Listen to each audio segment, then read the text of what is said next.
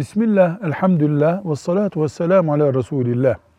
Vaazlarda sık sık kullanılan ehli kitaba yani Yahudilere ve Hristiyanlara benzemek ne üzerine kurulu bir kavramdır deniyor. Yani Yahudiye nesine benzenecek, Hristiyanın nesine benzenecek ki bu tehlikeli olsun.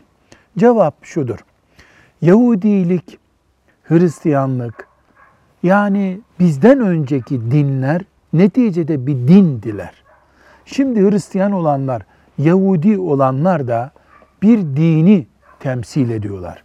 Onların din olarak yaptıkları bir şey yani dinlerinin gereği olarak yaptıkları bir şeyi taklit ettiğinde Müslüman kendi dini olan İslam'da olmayan bir şeyi yapmakta sakınca görmediğine işaret ediyor olabilir bu.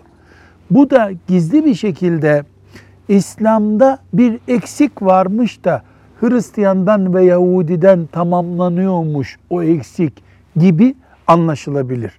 Bu yüzden ciddi bir şekilde ele alınacak konulardan biri Müslümanın İslam dışındaki bir din adına yapılan bir şeyi taklit etmesinin yasak olduğudur.